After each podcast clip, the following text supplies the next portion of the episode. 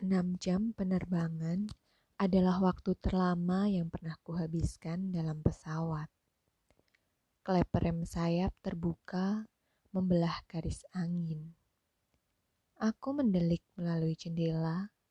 Sudah tampak landasan yang membentang dengan jumlah pesawat terparkir yang begitu banyak.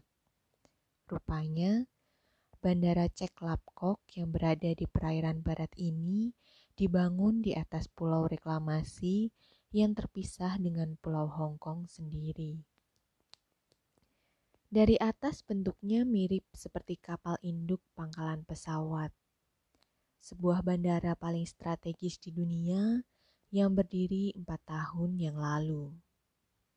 Kami keluar dari perut Boeing 747-400 berjalan menuju ke loket imigrasi terlebih dahulu.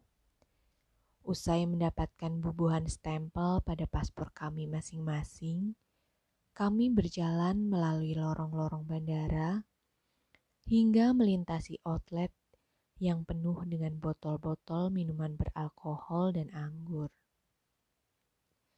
Anna langsung berbelok dan menoleh singkat. Sebentar ya Rantau, Aku mau mampir ke sini dulu, mumpung ingat. Aku cukup tersentak melihatnya kembali dengan sebotol vodka bening yang tersegel dalam plastik di genggaman tangannya. Wah, sepertinya soda masih terasa kurang untukmu, tanyaku. Oh, tidak, ini titipan Leo. Jawabnya tenang. Sini biar aku yang bawa. Ucapku sambil meraih dan memasukkan botol yang cukup berat itu ke dalam ranselku. Dari sekian banyak sarana yang menunggu, shuttle bus menjadi preferensi kami untuk mencapai stasiun MRT. Setibanya di stasiun kereta bawah tanah Tongchong, Anna membeli kartu pembayaran elektronik dan memilih rute pemberhentian di Simsaswi Station. Kereta dari sini cukup padat, tapi tetap tidak akan mengalahkan KRL di Jakarta yang penuhnya seperti akuarium cere pakan ikan. Ketika kereta tiba, kami terpisah dalam rombongan yang berbeda. Memasuki kereta melalui pintu yang berlainan. Tetapi, ku yakin gerbong kami tetap satu arah. Tempat duduk kami dipisahkan oleh orang-orang berbagai ras yang juga sedang sibuk merapikan tasnya masing-masing. Aku berada cukup jauh terpisah dari Anna yang tenggelam di sela-sela kerumunan. Ia terlihat berkomat kamit mengikuti lagu dari headsetnya. Beberapa stasiun terlewati. Kulihat dari kejauhan, Ana mengangguk, memberikan isyarat bahwa ini tempat pemberhentian kami. Kami keluar melalui pintu kereta yang berbeda, lantas aku mendekat dan menepuk pundaknya. Sekarang kita ke mana? Langsung bertemu papamu? Anna menggeleng. Kita cari hotel dulu, Hotel? Pertanyaanku terdengar seperti sebuah penolakan. Kupikir perjalanan ini hanya sebentar saja. Ya iyalah rantau, tiket pulang kita saja masih besok malam. Oh iya. Aku menepuk kening. Aku lupa bahwa penerbangan pulang masih esok hari. Kalau begitu, Kapan jawaban tentang mobil itu sudah bisa ku dengar? Besok pagi, tunggu saja. Sekarang kita ke hotel dulu. Setelah itu baru kita jalan-jalan. Nikmati saja perjalanannya, Ran. Jelas Anna meninggalkan senyum. Kami mengalir dalam arus manusia, menyusuri tembok penuh papan iklan, menuju eskalator di ujung. Saat menggapai mulut terowongan, semarak binar aneka warna lampu-lampu reklame yang mendahului kesuraman senja menyambut kami berdua. Napas hangat berembus pada petang Asia Timur yang dingin. Kami terempas lalu lalang arus pejalan kaki. Ambang malam mengantar banyak orang berpakaian rapi, membawa tas kerja, berjalan berbondong-bondong, memadati trotoar yang lebar. Rasanya seperti berjalan di tengah sebuah konser besar. Selamat datang di Kowloon City, ucap Anna dramatis. Pandangan melayang berputar di sepotong kota yang baru pertama kali kucelajahi ini. Gedung-gedung tinggi langsung menyambut bersamaan dengan papan-papan iklan dengan tulisan Hansi maupun Latin. Daerah ini benar-benar padat. Ribuan bangunan warna-warni yang tidak terlalu tinggi berdiri rapat. Belum sempat mataku menggerayangi seluruh gedung, tanganku langsung ditarik dengan tergesa menghampiri bus yang baru saja tiba. Bus tingkat merah ini membawa kami pada pemandangan-pemandangan semenanjung Kowloon. Bagian perbagian kota tertata dengan apik, layaknya Eropa di daratan Cina. Peraduan budaya barat dan timur membuat tata arsitektur gedung terasa beragam. Sepuluh menit di dalam bus, Anna memberi sinyal pemberhentian. Ia pun melipat peta yang dari tadi direntangkannya. Sering ke Hong Kong? Tanyaku sesaat setelah keluar dari ambang pintu bus. Tidak sesering sampai ta sampai tanpa peta, jawab Anna menyeringai. Ini Ucapnya lagi sambil memberikan selembar peta Hong Kong yang telah ditandainya. Persis seperti ketika aku memberikan peta Jakarta kepadanya. Sweet revenge, ucapku tersenyum. Kuperhatikan peta itu memiliki tiga tanda. Satu di pusat kota, satu lagi di pinggiran, dan satu lagi mungkin daerah tempat kami berpijak sekarang. Di pinggir jalan dua arah yang didampingi pertokoan. Di sini berjajar ruko dua pintu yang rata-rata setinggi tiga tingkat. Dari ruko minimarket hingga toko-toko souvenir yang menjual atribut-atribut ala Hong Kong.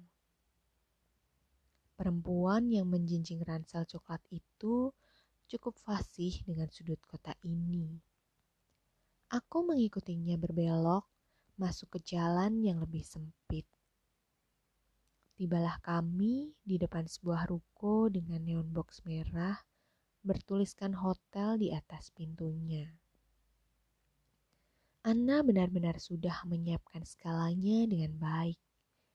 Tak heran jika ia terlihat begitu kelelahan hari ini.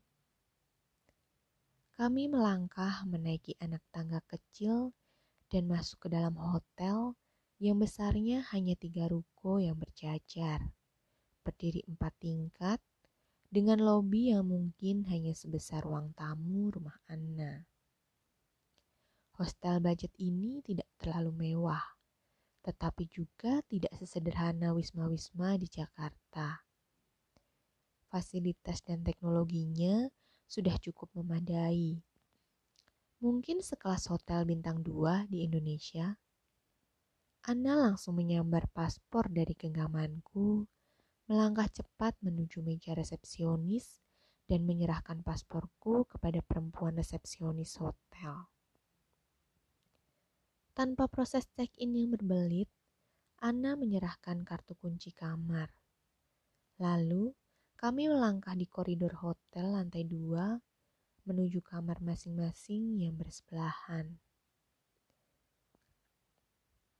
Ketuk pintuku jika ada keinginan untuk jalan-jalan. Jika tidak, aku yang mengetuk. Ucapnya bersemangat. Aku membalasnya dengan anggukan senyum sambil memasukkan kunci pintu. Tujuh malam, kami kembali mengandalkan bus kota yang nyaman untuk mengitari kota. Pemukiman di sini begitu padat ke atas. Apartemen berbagai kelas menjamur di kota ini.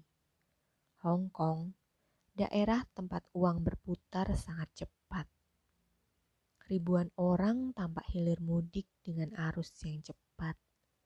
Ragam ras dan suku bercampur di negara majemuk ini. Cukup banyak dari mereka adalah orang-orang barat. Maklum, dulu Hong Kong adalah negara persemakmuran Britania Raya.